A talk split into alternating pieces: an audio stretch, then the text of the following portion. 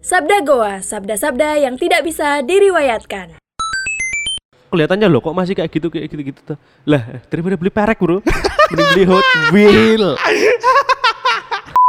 Ini bagi mbak-mbak Savage dan juga mas-mas Savage yang di Hmm. Twitter yang bilang kalau misalnya beasiswa nggak boleh dibuat seneng-seneng, dipatahkan dengan perlakuan Sabdi. Iya, jadi jangan sampai didengarkan sama petugas kampus. Dan juga petugas LPDP mungkin ya. Iya, eh enggak, saya enggak itu beasiswanya. Hebat banget saya itu. Saya udah ke Bulgaria kuliah saya kalau dapatnya itu. Topik kali ini eh, minggu ketiga bulan Desember Geografi antropologi adalah membahas tentang bagaimana lagu kebangsaan itu menjadi ciri khas dari setiap negara dan yang kita bahas tentu yang lagu kebangsaannya bisa dibilang nyeleneh.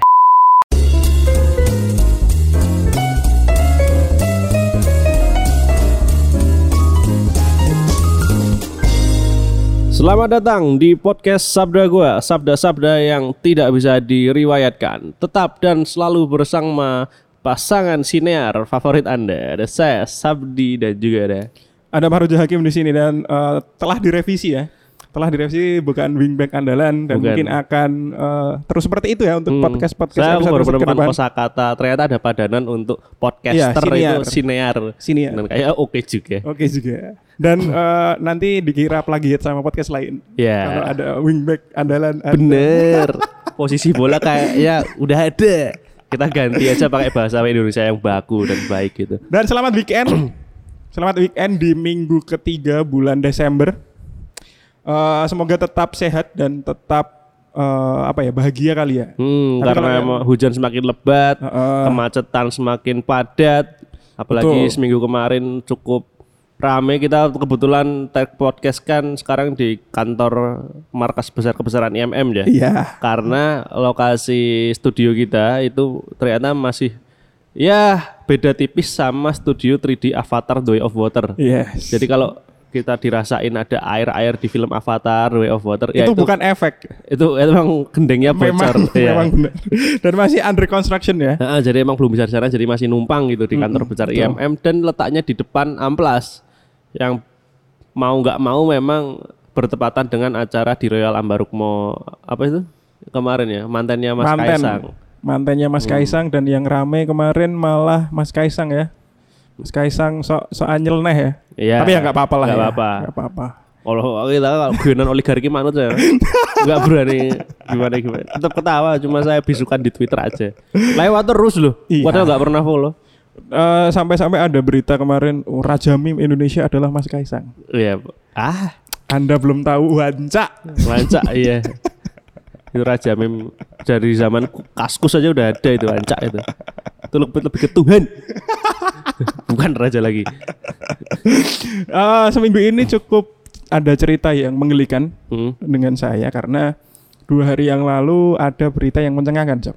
Ada apa sah? Jadi ketika subuhan Eh, ini wilayah di oh di rumah di sebulan rumah, di rumah. bener-bener di rumah. Bukan saya sih sebenarnya. Ada masjid di desa saya.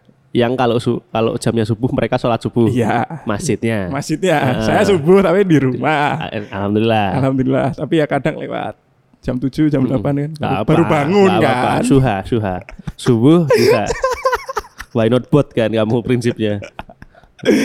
Nah, ke- ketika ada subuhan yang dilakukan di masjid dekat rumah saya, Hmm. itu lantas ada berita yang mencengangkan. Beritanya adalah salah satu sepeda dari jamaah subuh hilang. Nah, bapak-bapak nih kayaknya. Kalau subuh kan bapak-bapak. iya, bapak-bapak dan ibu-ibu dan kebetulan eh, sepeda yang hilang adalah sepedanya ibu-ibu dan Waduh. itu adalah sepeda dari anaknya yang notabene anaknya adalah seorang yang eh, bisa dikatakan sudah mapan Hmm. dan memang hobinya bersepeda. Jadi Mm. sepeda lipat mahal gitulah pokoknya. Oke. Yang Ketika- biasanya buat ya keliling kota pakai jersey Betul. bagus gitu betul, berarti. betul. Jadi dia Oke. eh, misalnya kalau mau goes tuh Hmm. eh, sepedanya dilipat, dimasukin mobil, pergi ke kota, terus Hmm. parkir, baru sepedanya dikeluarin. eh, Oke. Kaya sepeda. banget lah. Kayak gitu lah. Nggak pokoknya. mungkin dong bawa lincak di belakangnya. Nggak mungkin. Nggak mungkin. nggak mungkin. Ada, ada yang sepeda, Ada. sepeda, passionnya sepedaan, Heeh. tapi di samping jualan lincak tuh ada, Ada. tapi bukan orang itu. Ada. Nah, terus eh, emang mahal, sepedanya emang mahal. Terus ya udah pas selesai sholat subuh hilang dan juga langsung diumumkan di grup WA bapak-bapak. Wah, respect. Subuh-subuh langsung kabarnya Iya. bukan hoax nih, ini real. Real, real kah real min? Heeh. Ini kenapa saya tahu di, langsung diumumkan ke grup bapak-bapak karena saya dimasukkan bapak saya ke grup bapak. ya kan untuk backup. Kalau bapak ketinggalan kabar, paling enggak kamu tahu gitu lanjutannya. ya, terus habis itu ya udahlah, pokoknya mau udah dicari ke mana-mana nggak nemu karena dia pakai motor katanya eh, kabar-kabar yang beredar terus. Pokoknya kalau misalnya dicari satu desa itu udah nggak ada, Hmm, udah hmm. pokoknya udah Cepet pergi. berarti ya Heeh, bawa larinya. cepet. Bawa motor apa Bawa motor, di bawa motor. ka- kayu gitu? Bawa, bawa motor dong. Oh kalau di kayu, bawanya maksudnya bawa kaburnya juga digenjot gitu. Saya punya suspek yang cukup kuat sih. Kalau lo dari downhill domination kenceng banget itu kalau nyolong Ya, itu. kebetulan yang nyolong tipek bukan. Oh beda, bener. Enggak, Pak teman-teman sebenarnya per- pendengar kita kan banyak perempuan ya. Oh, iya. Sebenarnya nggak paham game downhill PS2 tapi nggak Ya, apa-apa lah. Pokoknya di PS2 ada game yang uh, Sepedaan, kenceng gitu. Karakternya ada Kalolo, ada Tipek, ada Mai, ada Bener. Ajax, macam-macam lah. Nah, terus habis itu ya udahlah, pokoknya di-share di grup ya bapak-bapak terus ya udah karena nggak bisa nemu dalam waktu dekat, kemudian ya udah cuma ada ya semoga digantikan dengan rezeki yang lebih baik ya. Khas bapak-bapak gitu lah ya. Alah, alah, anakku le kerjanya buat kayak kayak kerja yang dikasih rezeki saya nggak nyambung. Doain anak saya. Itu beliin sepeda lagi. Tapi kalau misalnya saya eh, pikir sih nggak apa-apa juga ya, maksudnya Hmm. sepeda yang hilang itu nggak seberapa eh, mahal sama gaji yang didapatkan sama anaknya. Oke. Tapi kan poinnya bukan di situ, poinnya kan di malingnya kan. malingnya Hmm. Nah, selang beberapa jam itu kan pagi tuh subuhan pagi Hmm. dong. Tidak mungkin siang karena kalau siang namanya zuhuran, Hmm. bukan subuhan. Nah, itu selepas zuhur sekitar sek- sekitar jam 2 atau jam jam 3 kali ya. Hmm. Jam 2 jam 3 itu rame lagi grup bapak-bapak. Grup bapak-bapak. benda apa lagi nih? Ada Traktor. ada mas-mas Heeh. yang menemukan bapak-bapak membawa keranda dan sepeda, Hah? Keranda dan sepeda. keranda krondo, krondo Kro- apa ya? apa sih? Krondo, krondonya apa ya? Keranda setauku yang buat mayat itu loh. Iya, tapi eh, kayak keranjang yang biasanya di Oh pakai di iya motor iya itu. iya, oh, tahu tahu tahu. Keranjang motor namanya? lah ya. Keranjang motor Heeh, yang tahu, biasanya tahu. dipakai sama mas-mas atau mbak-mbak penjual sayur lah. Bener bener Iya. aman tahu tahu. Kalau di bahasaku di bahasa Jawa krondo namanya. Heeh. Kan mirip mirip keranda. Heeh. Nah, itu keranda itu kemudian ditumpangi sepeda. Wah logis banget ya. Logis banget. Cocok. Nah, mas-mas itu ngefollow dari belakang, Oke. mengikuti Stalker nih. Heeh, stalker, kemudian difoto. Berarti di- mas-masnya walaupun dia bukan bapak-bapak, tapi udah masuk grup WA berarti. sudah. Tahu. Karena emang udah nikah. Oh, udah nikah. udah sah untuk udah masuk. sah. Oke. Udah sah untuk masuk bapak-bapak. Tapi masih mas-mas gitu, Hmm. masih umur 30-an masih masih cocok lah dipanggil mas-mas. Diikutin tuh si motor berkeranjang Diikuti, dengan diikuti. sepeda mahal. Diikuti, lantas di, di foto dimasukkan grup dengan eh, kata-kata sepedanya Niki bukan nggih. Ah. Ini sepedanya bukan nggih gitu. Iya. Ternyata benar. Benar. Bapak-bapak yang hilang sepeda itu confirm, Hmm. confirm. Kalau misalnya oh iya itu sepeda saya. Mm-mm. Didekati langsung ditanyain katanya. Itu kronologinya ya. Hmm. Kronologi setelah bapak-bapak itu cerita. Lantas dibawalah ke polsek. Yang yang itu bapak-bapak yang naik motor naikin itu itu penangkapannya gimana tuh? langsung. Penggiringannya maksudnya? Jadi langsung mas-masnya itu eh, ngeberhentiin terus tanya-tanya tentang sepedanya ini sepeda dari mana pak bla bla bla bla lah pokoknya Aku ya. takon rego saya nih kan nggak nggak nggak tahu maksudnya kayak kronologi secara lengkapnya itu loh pokoknya Hmm. langsung langsung Digiring gitu dia terus. digiring Sama mas satu orang itu. iya Respect. boncengan tapi dia Oh. kemudian eh, ya udah di polsek unggul ketemu. jumlah ya. Mm, unggul jumlah terus di polsek kemudian ya udah diintegrasi Hmm. sama polisi kemudian nggak mau dilanjutkan dan berdamai saja kayak Hmm, gitu ternyata dikembalikan. bapak-bapak Bapak, bapak sudah umur ya paruh baya lah ya 50 50-an Ya itu upgrade aja. mungkin kepepet kali ya kepepet. Kalau nuker sandal gak enak ya nuker sepeda. ini gitu. real, ini real. ada fotonya Tapi nggak di vlog dengan estetik gitu kayak mas-mas Twitter kan kemarin enggak cukup ada kasus pembobolan lewat belakang rumah ya dijebol ya temboknya Iya, iya. tapi estetik gitu videonya dan hukuman terberat adalah Wah dikasih makan loh, dikasih makan berarti nggak dihukum kan? Dikasih makan tapi hukuman terberatnya adalah setelah makan rampung itu setelah selesai nggak boleh ngerokok. rokoknya suruh masukin kantongin lagi. Wah itu lucu sih mukanya tuh yang. Wih, eh. 14 ribu retweet ya. Iya anda terlena sih ya, maksudnya udah maling ketangkep gitu. Kok ya terlena mau ngerokok gitu. Itu sangat sangat santai. Jadi ceritanya yang lagi ramai itu adalah dua orang bapak-bapak ya Hmm. yang melakukan uh, Tindak maling, kejahatan ya, tindak maling. kejahatan, kemudian membobol uh, tembok rumah warga dari belakang. Hmm. Dibolongin. Dibolongin. Itu effort loh, bukan manjat loh, tapi dibolongin. manjat kan nggak ada suara. ya mungkin suara gedebuk kalau jatuh. Misal jatuh, Iya. dibolongin kan tidak mungkin hanya digeser kan. Pasti ada alat-alat uh, Alat tukang berat lah, lah, alat alat tukang berat, lah iya, iya. bolong itu. Dan ketangkep ya. Tangkap jelas. Alhamdulillahnya. Kemudian diintegrasi dan tidak dipukuli, Tidak dipukuli. tidak dipukuli. Cukup dijudging dengan viral di media, direkam-rekam tapi semua warga yang rekam. Iya. Dan ada mas-mas konten kreator yang otak kontennya berjalan gitu. Iya, Jadi langsung di video dengan sinematografis yang oke. Dan juga masuk FYP ya. iya. Hukumannya FYP. Iya, FYP ya udah kalau FYP itu udah susah dibedain antara video mas-mas maling tadi sama ya yang Spanyol maling itu apa? Rampok duit itu. Yang mana? Heist. Money Ya, itu udah susah dibedain aku kalau udah ada trailer Money Heist sama video mas-mas maling tadi. Sama loh, aku bingung yang mana. Saking miripnya. Nah kebetulan bapak-bapak ini juga pas ngebobol tembok ada backsound ya. Deng deng deng deng deng deng deng jokes minggu lalu. Sama pakai pakai topeng. Tapi respect, respect sama warganya yang Respect. tetap bisa menjaga emosi ya. Ya walaupun masih ada satu dua warga yang pengen ngantemi, Tapi dicegah. tapi dijaga warga yang Jadi lain. lebih baik nanti ya lebih baik sih terserah mereka sih. Kan penguasa apa di rumah apa penguasa wilayah di situ ya warga di sana. Jadi Iya. untuk bagaimana tindak lanjutnya terserah. Mau di komen-komen Twitter, wah lebih baik dipukulin kalau di tempatku dipukulin kalau di mana-mana. Itu kan kalau di tempatmu. Iya. Kalau di tempat sana nggak dipukulin ya udah. Nggak apa-apa. Ya apa. Dan itu juga cuma komenan di Twitter. Belum belum tentu kalau misalnya ada Ketemu gitu. uh, uh, ketemu terus Anda melakukan apa yang Anda tulis di Twitter tuh ya belum tentu Wow, juga. savage di Twitter tuh alah. Eh, aku aja nggak pernah savage soalnya nggak berani loh. Heeh. paling ngatain apa sih Versa Besari, bola-bola, bola santai lah ngatain Iya, gitu. bola santai. Eh, Karena memang Korea aja nggak pernah aku senggol.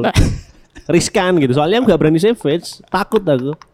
Ini mah terbuka aja ya kan Kim. Ini di Twitter. Kalau misalnya ngobrol di podcast kan beda lagi Hmm. karena uh, medianya beda, terus kita juga bisa lebih bisa menjelaskan secara Orang yang datang itu lebar. emang orang yang mau gitu. Kalau di. Twitter kan bisa jadi emang lewat sekelebat uh. secara tidak sengaja. Mm-mm. gitu. Itu untuk untuk reason ada pertama ya. Untuk Yes. yang kedua dari saya apa dari sosmed aja? Dari sosmed dulu atau Dari- oh dari Anda dulu deh, Bu. Dari Anda sih saya pekan ini sangat bahagia dengan keberhasilan saya membeli barang yang memenuhi ego inner child saya.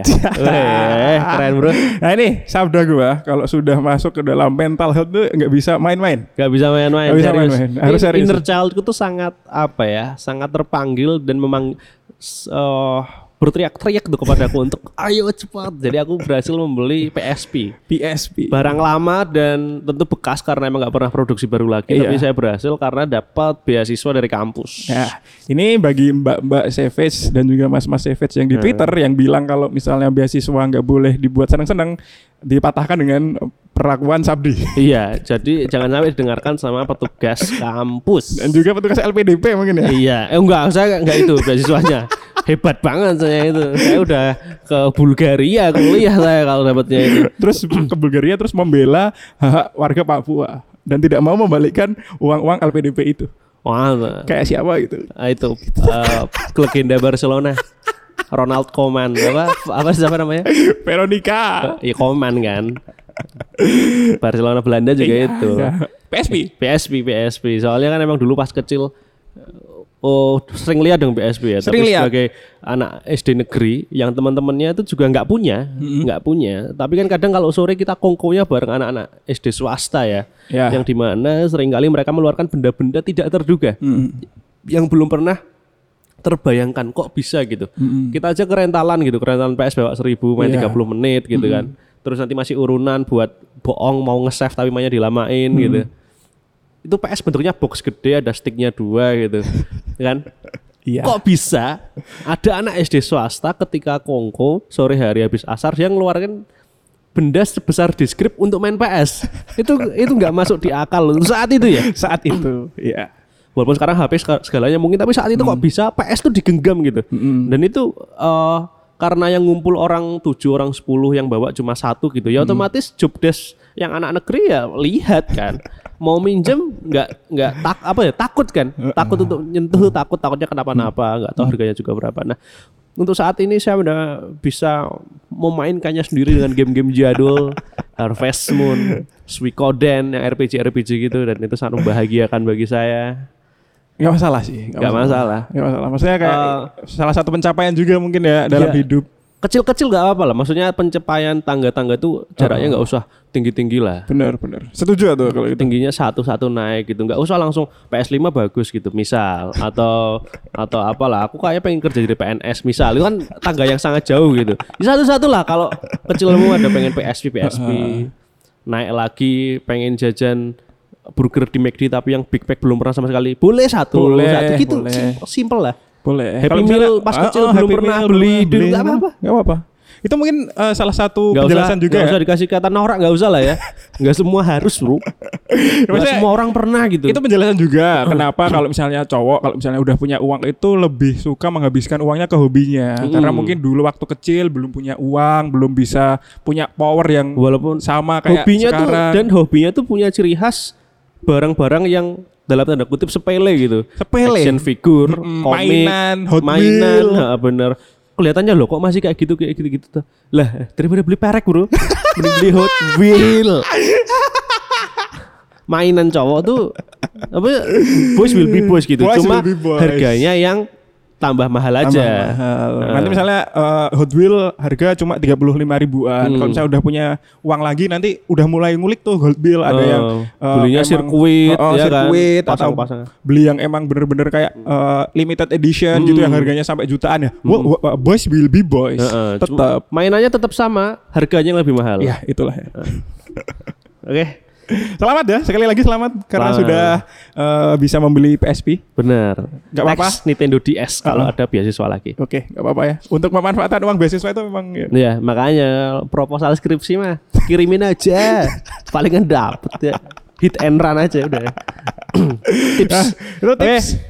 Ya, untuk eh, recent update yang selanjutnya Sosmed, adalah sosmed, sosial media sedang ramai sekali kemarin. Ya. Banyak pujian-pujian, cercaan juga banyak terhadap salah satu tokoh nasional Hmm. yang jujur aja kita respect gitu. ini bukan eh, bukan lagi artis yang biasa saja ya. Ini bisa dikatakan nama lama sih sebenarnya. national treasure ya sebenarnya. Jadi artis tersebut mengadakan konser dan beliau adalah Aldi Taher. Jadi eh, cukup ramai di media itu karena Mas Aldi Taher ini konser dengan baju telanjang ya, telanjang dada sambil nyanyi lagu Oasis. Yang Ya. ternyata pas nyanyi ngeband, pas nyanyi lagu Oasis, oke-oke aja. Ya Nggak- emang bagus saja. Emang bagus aja. Emang bagus. Kan banyak yang heran loh. Lah ini orang bisa nyanyi. Lah ini orang bukan bisa nyanyi deh. Lah orang ini bisa kayak gini gitu. bisa normally gitu. Orang-orang kaget, orang-orang kaget kenapa kok Mas Aldi Tahir itu bisa dalam tanda kutip normal. Karena mungkin mereka tidak tahu memang brandingnya Aldi Tahir aja yang berlagak dalam tanda kutip lagi gila Heeh, gitu heeh, ya. bego gitu kan aku yakin lah itu persona aja Iya. gitu.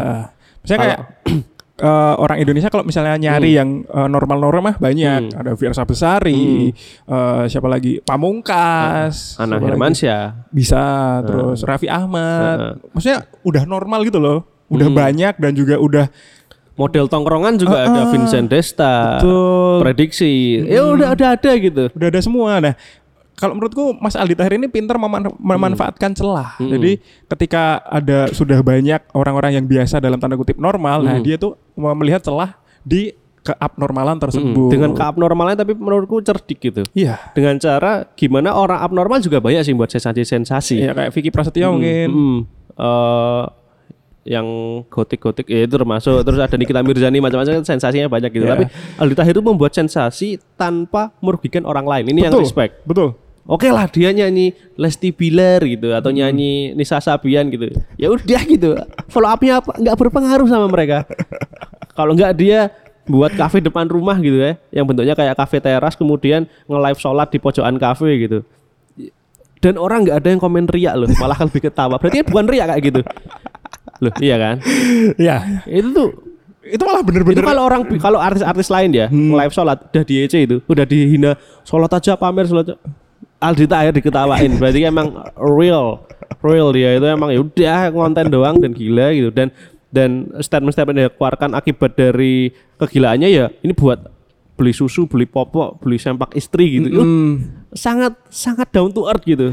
Bukan down to earth ya, mungkin lebih ke bertanggung jawab memang. Iya. Memang bertanggung jawab kepada dirinya sendiri dan juga eh, keluarganya Hmm. karena memang ada track record juga kalau misalnya Mas Al- Aldi Tahir ini Hmm. eh, survivor cancer ya. Bukan, bukan, getah bening. Nah, getah bening, Jadi bukan penyakit yang sama dengan Olga Syahputra almarhum Mm-mm. yang memang mengakibatkan sampai meninggal dunia itu getah bening dan Aldi Tahir dengan hebatnya eh, sembuh dari penyakit tersebut. Tapi Yes. coba Mas Mbak ini semua pendengar warga Goa bisa dicari yang baru-baru ini ya jangan pas baru sembuh itu beritanya tentang peliputan. Biasanya kan artis gitu ya habis sembuh ada perjuangan-perjuangannya gitu ya liputannya. Nah ini Aldi Tahir nggak ada. Karena begitu dia pulang dari opnam kayaknya langsung gila.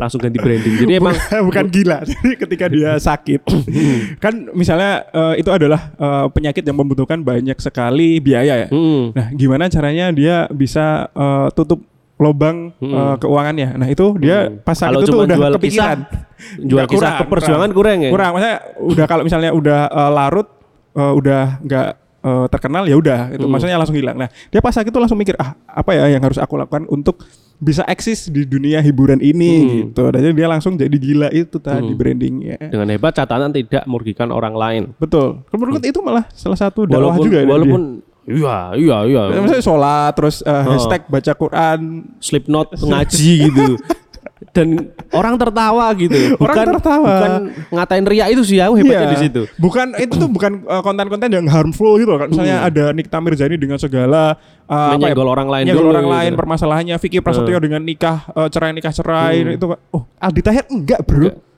tanggung jawab sama keluarga Betul. nyambut gawe kal- paling keren tuh kalau ngambil job WA-nya nomor dia sendiri respect Ini ada cerita keren lucu. banget. Ada cerita Heeh. lucu. Maksudnya kan orang manajemen ya, terus calling calling harga ini enggak itu, itu langsung yang berapa buat ngisi ini segini bang, gitu. Terus oh ya ambil, terus dibonusin ya buat ini. Aduh makasih banget bang. Maksudnya sangat oh kok bisa gitu? ada cerita lucu. Apa nih? Aku kan orang uh, uh, di radio ya. Hmm. Ada salah satu temanku uh, yang kuliah di uh, mana? Sekolah tinggi apa namanya? Penerbangan. Bukan bukan penerbangan ya Sekolah. penyiaran apa? Oh Jalan Magelang. Eh, eh, apa itu namanya? Ya itulah Ya, Jalan Magelang. ya. STTN eh bukan. Bukan bukan. S. Lanjut aja dulu. Oh, ya, lanjut, Eh. lanjut. Eh, dia itu adalah prokernya bikin radio. Jadi kayak dia eh, kuliah di sana semester 4 terus dia bikin radio komunitas. Nah, Hmm. dia bikin radio komunitas itu eh, kan baru ya, otomatis baru. Jadi sebelum-sebelumnya itu belum ada radio komunitas di kampus tersebut. Hmm. Nah, dia bikin eh, bikin acara, bikin acara di dalam radionya itu terus dia pengen promosi. Pengen Hmm. promosinya kan bingung nih mau ke mana. Nah, dia eh, kemudian emang kreatif orangnya, si orangnya yang eh, temanku ini yang kemudian eh, sama juga sa- satu radio sama aku. Eh, terus habis itu eh dia kepikiran buat minta tolong sama Aldi Taher Wih. minta tolongnya secara profesional ya maksudnya Hmm. kayak eh, kayak paid promote gitu lah ya. Hmm. nah lantas dia menghubungi lah ini si Aldi Taher WA. WA langsung Edian, nah ini udah komedi. nah dia tanya eh, red cardnya berapa Hmm. untuk bikin satu story untuk promo Hmm. oh ini sejuta Wih, Edian Gitu. terjangkau ya. Untuk nah terjangkau kan satu juta untuk sekali paid promote di story. Di Artis storynya nasional. Al- Aldi Taher dong. Heeh. artis nasional dong. Habis itu ditawar sama temenku. Aduh budgetnya nggak sampai segitu eh kalau seratus ribu gimana bang oke tuh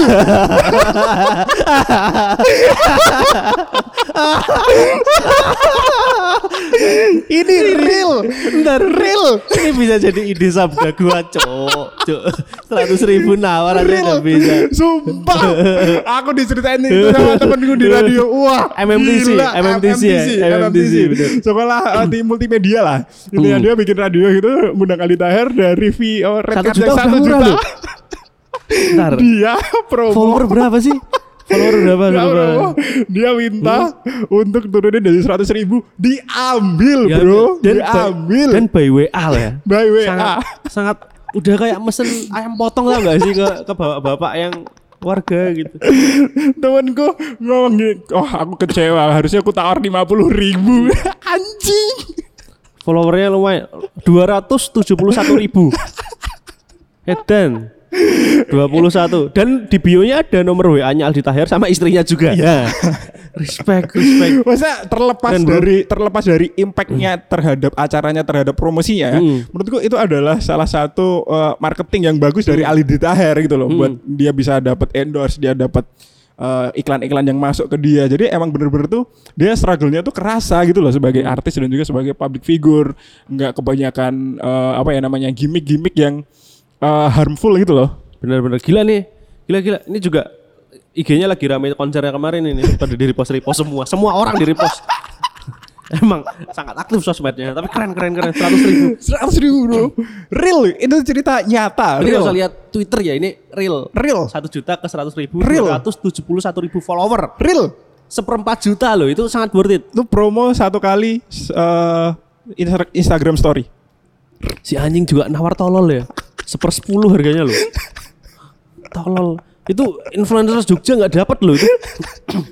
oh nggak tahu ya, nggak tahu apa apa apa yang ada di kepala Mas Aldi Tahir kok menyetujui. Tapi itu adalah cerita nyata yang benar-benar ada ada ada ada ada Ini- ada buktinya ini- di Zen Radio namanya MMTC. setinggi tingginya ya. Respect sendiri untuk Sabda gua. Sabda gua respect Sepakat kepada ya Mas Aldi berdua. Tahir. Sepakat, sepakat, Sepakat. sepakat. Oke. Cukup untuk uh, eh dan pendakwah kita. Masih nggak habis pikir. Jadi selain pesulap merah sekarang Marcosnya Iya, Tahir. iya, kita sudah mengumpulkan tokoh-tokoh yang patut kita jadikan panutan ya di Sabda gua. Yang pertama kemarin ada pesulap merah dengan dakwahnya untuk Hmm. eh, struggle Lawan tentang dukun ya. melawan dukun. uh, Bid'ah bid'ah. Sekarang Mas Aldi Tahir dengan eh, segala kekonyolannya Etos kerjanya ya. itu kerjanya, struggle-nya terhadap Oke, kabar keuangan. ketiga lagi-lagi di Jakarta ya. Lagi-lagi di Jakarta dari ini juga sebenarnya kita bosen Hmm. karena minggu kemarin juga kita ada berita yang sama tipenya kayak Hmm. gini. Kalau kemarin kita eh, ngebahas tentang ada pelecehan seksual dan juga kekerasan di UGM ya. Jogja. uh. Ini kampus lagi dunianya itu di Gunadarma. Gunadarma di Jakarta. Gundar. Eh, kemarin sebenarnya eh, sebelum rame eh, untuk yang sekarang ini ya, sebenarnya tuh eh, kemarin ada yang spill kalau misalnya dia dilecehkan. Mm-mm. Kemudian oleh akun Instagramnya gundar.co Hmm. atau apa sih? Lupa kayaknya gundar.co ya. Uh, Dia mau eh, nyari si pelakunya ini yang namanya Tegar. mm-mm. Kemudian ya udah rame gitu lah. Hmm. Pokoknya ada orang yang spill terus bilang kalau misalnya dia dilecehkan dan ternyata dia bukan eh, salah satu korban, ada 2 sampai 4 Hmm. korban. Terus baru spill tuh baru cerita kalau misalnya dilecehkan terus Dicari orangnya. belum belum Oh, belum. belum. dicari. Jadi dia dia di up dulu di sosial media sama Hmm. si gundar.co ini terus rame. Banyak yang ngedukung macam-macam bla bla bla bla bla. Wah, keren banget bisa eh, mendukung eh, eh, sikapnya bagus nih bisa ngedukung orang-orang yang dilecehkan korbannya. Nah, nah, ini rame eh, kembali Gara-gara gara-gara si eh, pelaku. pelaku pelecehan seksual itu ketangkap dan juga langsung dilakukan bisa dibilang persekusi ya. Heeh, dihukum langsung oleh yang nangkap ya. Dengan Ya. cara diapain hakim? Dengan caranya eh, sebenarnya cukup banyak ya karena ada threadnya yang menjelaskan tentang hu- hukuman-hukuman yang bukan hukuman sih. Ya persekusi yang diterima oleh si Tegar ini tadi yang Diantemi pasti. Ya diantemi pasti terus diguyur air disuruh Guyur air. disuruh minum eh, air kencing. Oke. Terus eh, dilecehkan juga dengan cara di eh, peloroti, peloroti, Ditelanjangi. ditelanjangi. Kemudian juga dimasukin story banyak orang juga dan juga mendapat eh, Nah, respon di- yang dituai cukup menuai, beragam ya, ya. menuai respon yang beragam karena Beragam, ternyata iya. banyak yang kontra dengan eh, perlakuan dari yang hukum tadi Mm-mm. yaitu entah mahasiswa atau mana ya orang Gundar sana Orang lah ya. Gundar Nah, lah. karena ditangkapnya kan di wilayah kampus gitu yes. Nah, itu banyak yang menolak karena lah untuk apa kamu menghukum seorang eh, peleceh apa ya katakan Pelaku pelecehan pelaku seksual. pelecehan dengan cara dilecehkan balik gitu apakah tidakkah kalian sama aja dengan sang pelaku yang melecehkan korbannya Yes. gitu ya secara garis besar opini besar yang kontra dengan perlakuan persekusi tadi kayak gitulah Mm-mm. secara singkat Banyak juga ya. Ini nggak cuma satu dua tapi memang di eh, komentar di tweet tweet Twitter tadi tuh memang banyak yang menolak sih. Hmm. Banyak yang kontra nih. Hmm. Banyak yang kontra kenapa harus dilakukan seperti itu harus harus dilecehkan balik gitu lah apa Hmm, bedanya dengan itu poinnya ya. Kalau Heeh. diantemi kayaknya pada terima-terima aja, tapi dilecehkan balik yang pada nggak terima. Catatannya di situ. Soalnya nggak ada. Saya belum nemu kenapa kok diantemi itu nggak nggak ada. ya Lebih ke kenapa kok ditelanjangi gitu. Dan bukan menurut saya ini saya lebih muncul pertanyaan dalam kepala sih. Hmm, Aku bingung mau memihak yang mana gitu. Hmm. Tapi dengan dasar aku pernah belajar siasah gitu ya. Iya. Siasah atau hukum Islam. Sebentar, Hukum syariah. siasah tuh, siasah tuh. Mungkin Hukuman, oh, hukuman. mungkin warga gua belum hukuman aja tahu. lah Oke. sederhananya. Kemudian eh dalam Islam tuh ada orang hukum kisos. Pernah Oke. dengar mungkin hukum kisos Mm. gitu. Yang pembalasan dengan hal yang sama gitu. Misal kayak mencuri itu tangannya dipotong, terus paling marak di Indonesia bukan dalam kasus ini dilaksanakan dengan Indonesia ya, tapi sering didengar di Indonesia itu kasus nyawa balas nyawa. Jadi yang membunuh nanti dibunuh juga gitu sama eksekutornya Oke. bahkan di ya ini kasusnya di Arab Saudi biasanya kalau TKI yang biasa bunuh tuannya yang kejam gitu loh Mm. terus nanti TKI-nya dihukum mati kan biasanya Mm, dan eksekutornya juga udah resmi dari pemerintah gitu loh Mm. nah apakah ini juga bisa diterapkan hukum kisos syariah gitu kepada pelaku pelecehan seksual dengan cara hal yang sama yaitu dilecehkan balik ya pertanyaannya kayak gitu aja ini kisos loh ini Ini kisos. ini ada dasarnya ada dasarnya. nggak opini-opini publik enggak loh ini Enggak, ini iya. dalil loh Kalau mau tanya tapi tapi aku kan nggak berani apakah itu pasti benar enggak aku cuma bertanya-tanya kita aja. tidak boleh menghukumi karena itu ada dalilnya, ilmunya ada panjang ilmunya. ilmunya panjang aku kan S1 nya kan OTW biologi gitu bukan Hmm. fikih kan Iya. Eh, jadi ya ilmu sejauh itu yang aku paham apakah apakah setara atau enggak ya monggo dijawab sendiri gitu Stand sabda gua berarti apa? Mempertanyakan. ya? mempertanyakan aja Mempertanyakan kepada Mbak-mbak Savage-nya ya. Heeh. Dan juga eh, mungkin agak apa ya, bisa dibilang mempertanyakan juga apa hubungan yang apa hukuman yang pantas gitu ya. Kalau emang kalau emang kisos nggak bisa berarti berarti apa? Iya. Nah, sudah jelas lah ya. suruh ngapain gitu loh. Sudah jelas maksudnya stance-nya warga oh, sabda gua mau ke mana gitu. loh. Mm. Mempertanyakan loh, ini mempertanyakan. Pertanyakan, saya mah nggak bilang itu benar atau boleh. Ya. Masih bingung kok, yo masih bingung, tahu. masih bingung. Cuma ada tuh yang nyawa balas nyawa. Ada mata Nyawa- balas mata. Mata balas mata. Apakah kalau pelaku pelecehan balas dilecehkan juga? Eh, nggak tahu. Sebenarnya ini ada kasus yang sama gitu, maksudnya. Ada kasus yang mirip-mirip. Dan itu tuh cukup sering di Twitter underground, tapi emang nggak nyampe Mbak Mbak Savage pembela ini. Soalnya Hmm. itu lebih ke Twitter Twitter akun bokep gitu loh. Tahu nggak sih? Yang biasanya digerebek warga Indonesia, Iya. digerebek warga terus diarak dengan cara ya telanjang tadi. Per- dipersekusi. Dipersekusi diarak telanjang atau disuruh main tapi ditonton sama ba- bapaknya itu lucu banget Dan itu. di video. Kasihan banget tapi ya gimana ya? Gimana ya? Masalahnya tempatnya biasanya agak agak-agak tidak biasa gitu Iya. seperti alang-alang yang tinggi. Posat pam. Posat pam bener yang udah terbengkalai. Tempat-tempat kayak gitu biasa ketahuan ya gitu. Eh, eh, Nah, ini ternyata mirip kan itu di dipersekusi dengan cara ditelanjangi dan diarak itu sa- sama lah sama Iya. bisa dibilang sama tapi lingkungannya beda lagi-lagi Gundar lingkungan akademis dan Yes. yang satunya adalah kampung dusun entah di mana itu yang di mana tidak ada ibu-ibu savage main Twitter jadi nggak ada yang belain Mm-mm. Dan eh, apa ya? Ya bisa bisa, bisa dibilang eh, reaksi dari warga-warga dan mbak-mbak yang savage ini cukup membing- membingungkan ya bagi kita. Kemarin eh, pas eh, muncul beritanya, muncul spilannya berusaha se- se- savage mungkin betul. Jadi kayak apa ya, harusnya tuh komentar harusnya titiknya gini, gini, harus gini, gini, di gini, apa. gini. Tapi ketika- sangat sadis begitu sudah ketangkap dan ditelanjangi langsung sangat lembut itu gimana sih kompas moral dan normatifnya tuh Hmm. sangat gampang untuk berubah haluannya gitu loh. Hmm. Tentu kalau misalnya sa- sabda gua kan eh, berkali-kali bilang kita Hmm. sangat tidak setuju dengan eh, pelaku pelecehan seksual, kekerasan terhadap wanita dan bermacam kali sebagainya lah ya. Hmm. Nah kita juga selalu bilang kalau misalnya ada orang-orang yang kayak gitu pasti langsung potong titit. Mm-mm. Ya. dan nggak berubah berubah ini kan nggak berubah tapi mempertanyakan berubah. Ya, coba mempertanyakan. kalau kita agak kulik dikit gitu Ya, oke. ini ada bukan bukan berita sih dan bukan dasar juga ini ada skripsi jurnal ya. jurnal skripsi dari Mas Yayah Ramadian gitu dari UIN Sunan kok UIN Sunan? UIN Syarif Hidayatullah Jakarta kayak gitu. Eh, konsep program studinya stu- program studi jenayah siasa Fakultas Syariah dan Hukum. Jadi emang eh, lebih kompeten dari saya yang bilang tadi ya karena emang Iya. program studinya aja udah jenayah siasa yang fokusnya ada di hukum Islam. Mm-mm. fakultasnya juga syariah juga. Itu menyebutkan Ntar mana ya kebiasaan kalau nyari kesimpulan Nah.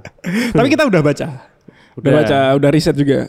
Oke, dalam hukum Islam itu eh, pelecehan seksual tidak termasuk hukum yang tertulis secara mendetail gitu. Tidak seperti membunuh, mencuri atau berzina. Itu kan spesifik ya. Ya. Berzina pun spesifik. Sudah beristri atau sudah berpasangan atau belum. Nah, pelecehan seksual ini nggak ada nggak ada yang spesifik. Jadi nggak ada yang ditulis di dalil Nash, Quran dan hadis itu spesifik juga belum ada. Maksudnya kayak eh, sekarang kan pengertian dari pelecehan seksual itu kan macam-macam juga. Nah, nah, makanya pada saat itu belum ada penjelasan spesifik yang sama kayak sekarang. Nah jadinya keputusan dari Mas skripsi Mas Yahya ini itu adalah dengan menyerahkan menyerahkan hukuman kepada penguasa setempat dan Yes. dan eh, apabila perbuatannya berupa paksaan di mana pelecehan seksual jelas pasak paksa, paksaan ya Yes. itu sudah bisa masuk ke hukum had eh, yaitu termasuk pada perbuatan zina. Nah, perbuatan zina kan eh, pengertiannya kalau di hukum zina, zina tadi itu eh hukum yang Islam tadi itu kan eh, masuknya ke eh, alat kelamin jantan ke alat kelamin betina. Kalau sudah beristri apa sudah berpasangan nanti dirajam dengan sampai batu sampai tewas atau kalau belum beristri itu nanti dipersekusi dengan cara diusir dari kota selama tempo waktu tertentu gitu. Nah, mungkin kalau di kampus bisa dengan cara di DO Ya. itu wajib. Bisa. Terus tadi juga ada disebutkan, coba kita analogi bodong lah ya, andong, analogi bodong, Wah, segmen baru. analisis, analisis bodong, andong, analisis bodong. Tadi kan eh, belum ada hukum nasnya sehingga diserahkan ke penguasa setempat. Yes. Omong-omong di kampus penguasa setempat itu siapa sih Kim? Pertama Ya. ada rektor, Tentu. kedua Dekan. dekan, Ya. ketiga langsung senior kampus. Ya. Nah, itu udah penguasa setempat berarti. Udah memenuhi memenuhi persyaratan Memenuhi persyaratan dan faktor-faktor yang harus Yahya. dicentang ya. Bener. Rektor pihak kampus sudah memberitahukan untuk mencari orangnya. Mm-mm. Ya nggak sih yang akun Gundar.co itu? Itu bukan Oh bukan ya. Ya udah, kita langsung loncat ke senior aja.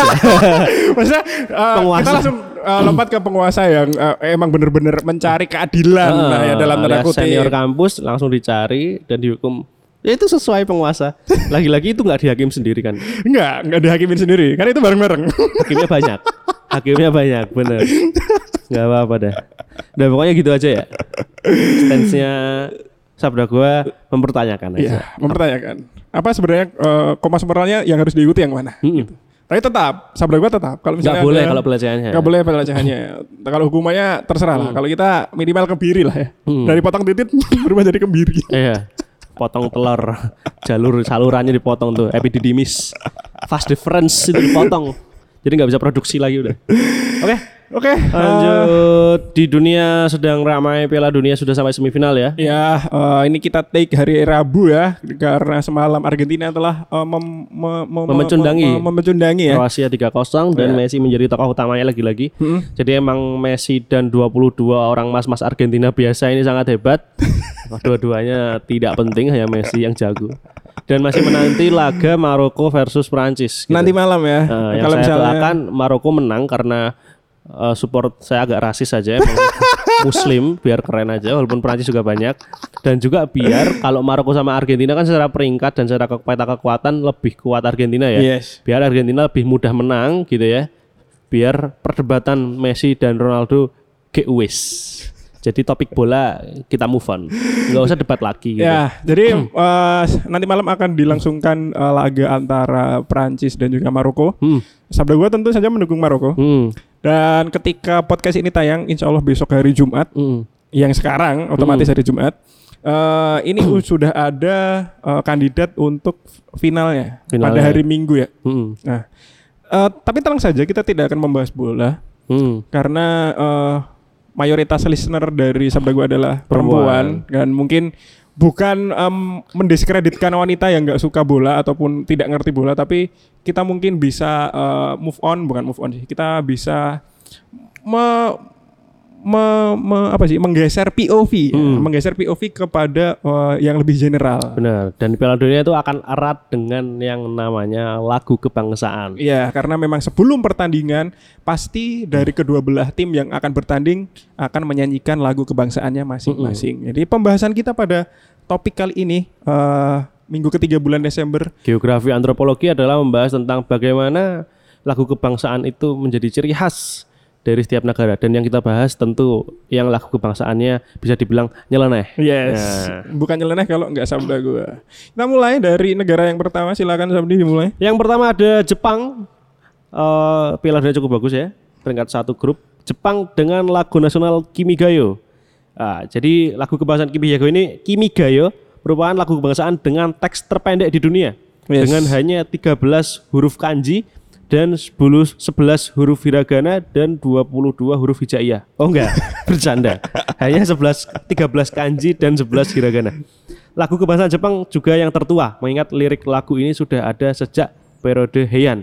Ya. Tahun Masehinya 794. Ya, sangat tua lagu Kimigayo dengan lagu terpendek. Hey, eh, ini kalau misalnya Masehi kan 794 ya. Kalau misalnya Hijayahnya berapa? Hijaiyahnya kita Hijriyah kok Hijriyah. Hij- Hijriyahnya ah, saya nggak tahu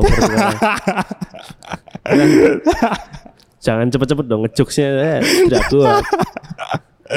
Lanjut ada eh, lagu kebangsaan dari Republik Rakyat Taiwan ya. Tiongkok. Ya Tiongkok. Bentar, namanya agak susah nih. Karena ada eh, aksaranya ada yang aksara di atas huruf gitu loh. Hmm. Ada Yong Yong Yun Jingxi Kuku. Wah, Agak susah ya. udah cocok Surabaya kamu. Agak effort ya.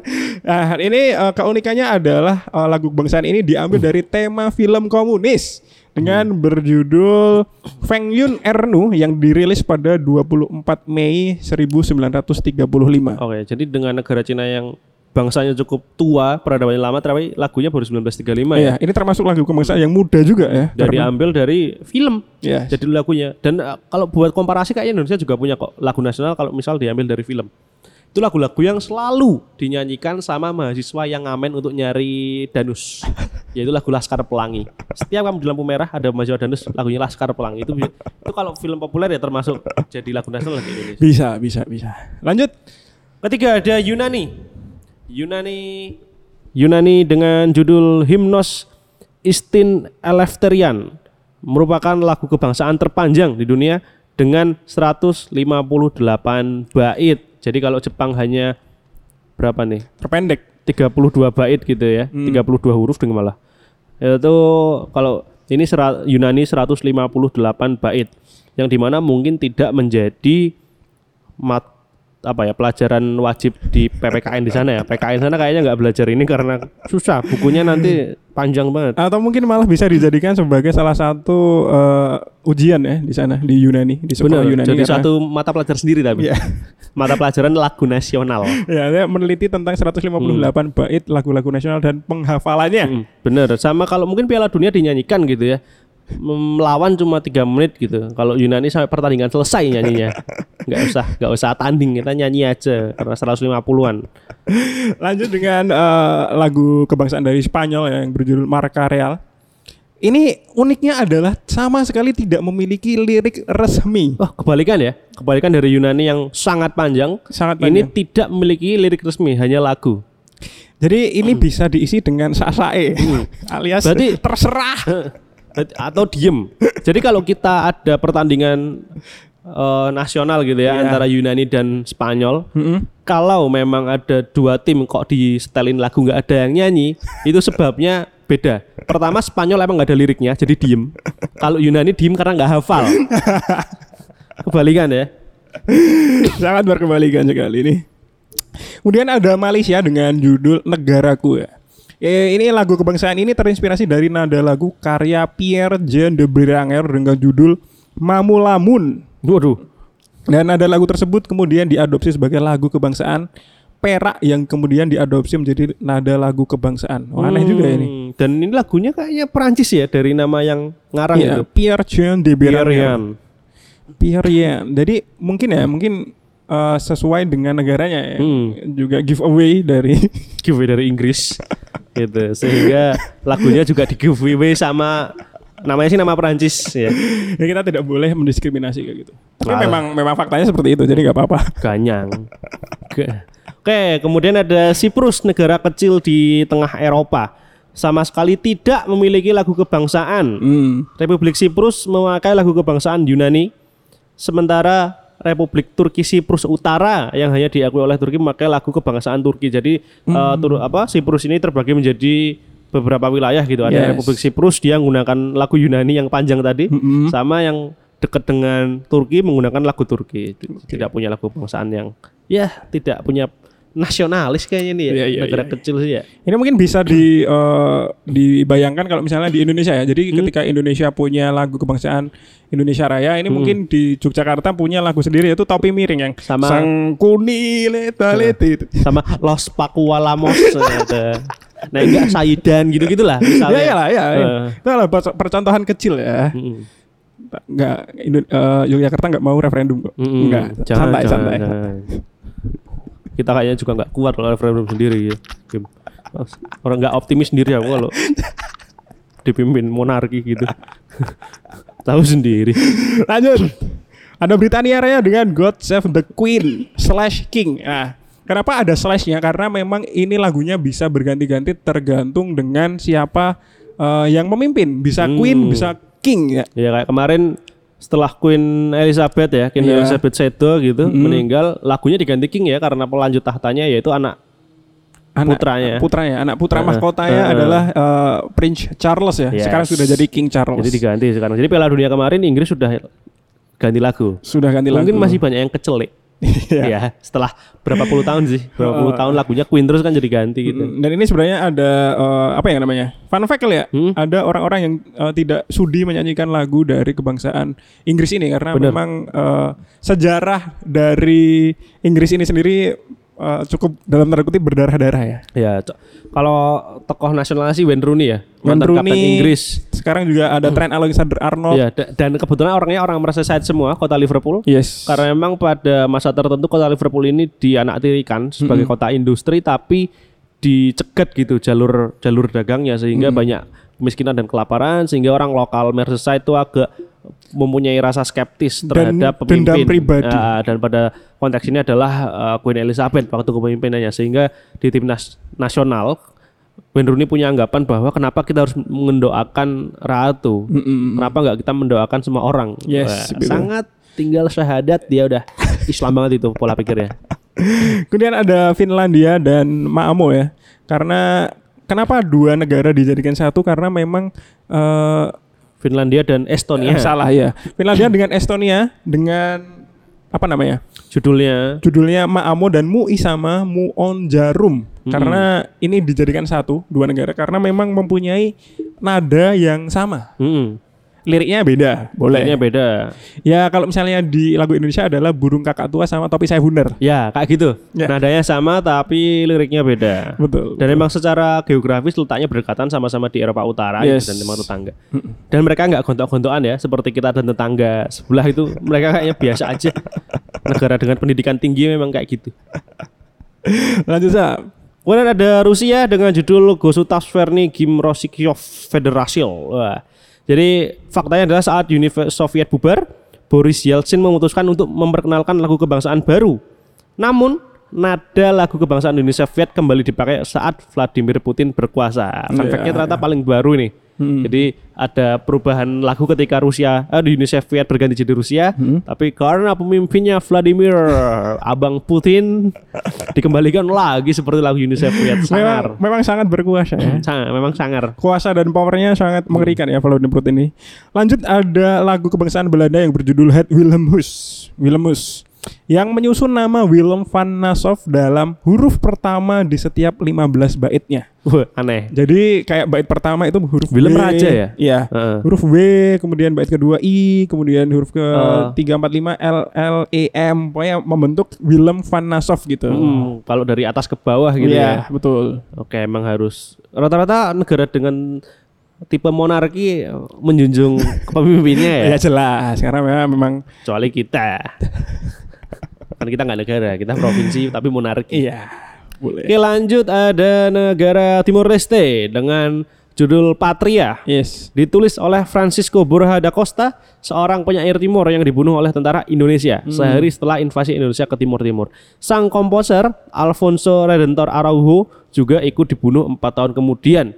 Jadi ini dalam sudut pandang Indonesia sebagai penjajah. Yes. Memang villain dan hero itu kan sudut pandang siapa dulu. gitu. Iya, betul. Kita memandang Belanda penjajah bagi Belanda ya mereka Ya, ya, memang penjajah juga. Orang jahat aja memang sepertinya. Tapi ya kalau di Timor Leste mungkin sudut pandang kita sebagai penjajah ya karena menganaktirikan provinsi tersebut pada Yes. masanya Mm-mm. sehingga tidak maju tapi tidak diperbolehkan untuk berdiri sendiri. Iya. Dan ketika diperbolehkan berdiri sendiri juga tidak berdiri-berdiri. Duduk terus. Sampai sekarang. Iya, sama aja. Kemudian ada Bangladesh yang berjudul Amar Sonar Bangla dan juga India dengan Jana Managana. Ini eh, unik karena memiliki pencipta dan komposer yang sama yaitu Rabindranath Tagore. Ah, memang bertetangga, tapi ini warga negara yang mana terus ya? Nggak Masa tahu. bisa buat bisa buat dua lagu nasional yang Iya, sama. siapa loh? tahu memang freelancer? Oh iya juga ya. nggak apa-apa jadi. Sama daninya sana kali ya. Betul. Emang langganannya banyak. memang sangat hebat dan Hmm. juga digunakan eh, jasanya untuk membuat lagu kebangsaan Hmm. dan nggak apa-apa juga.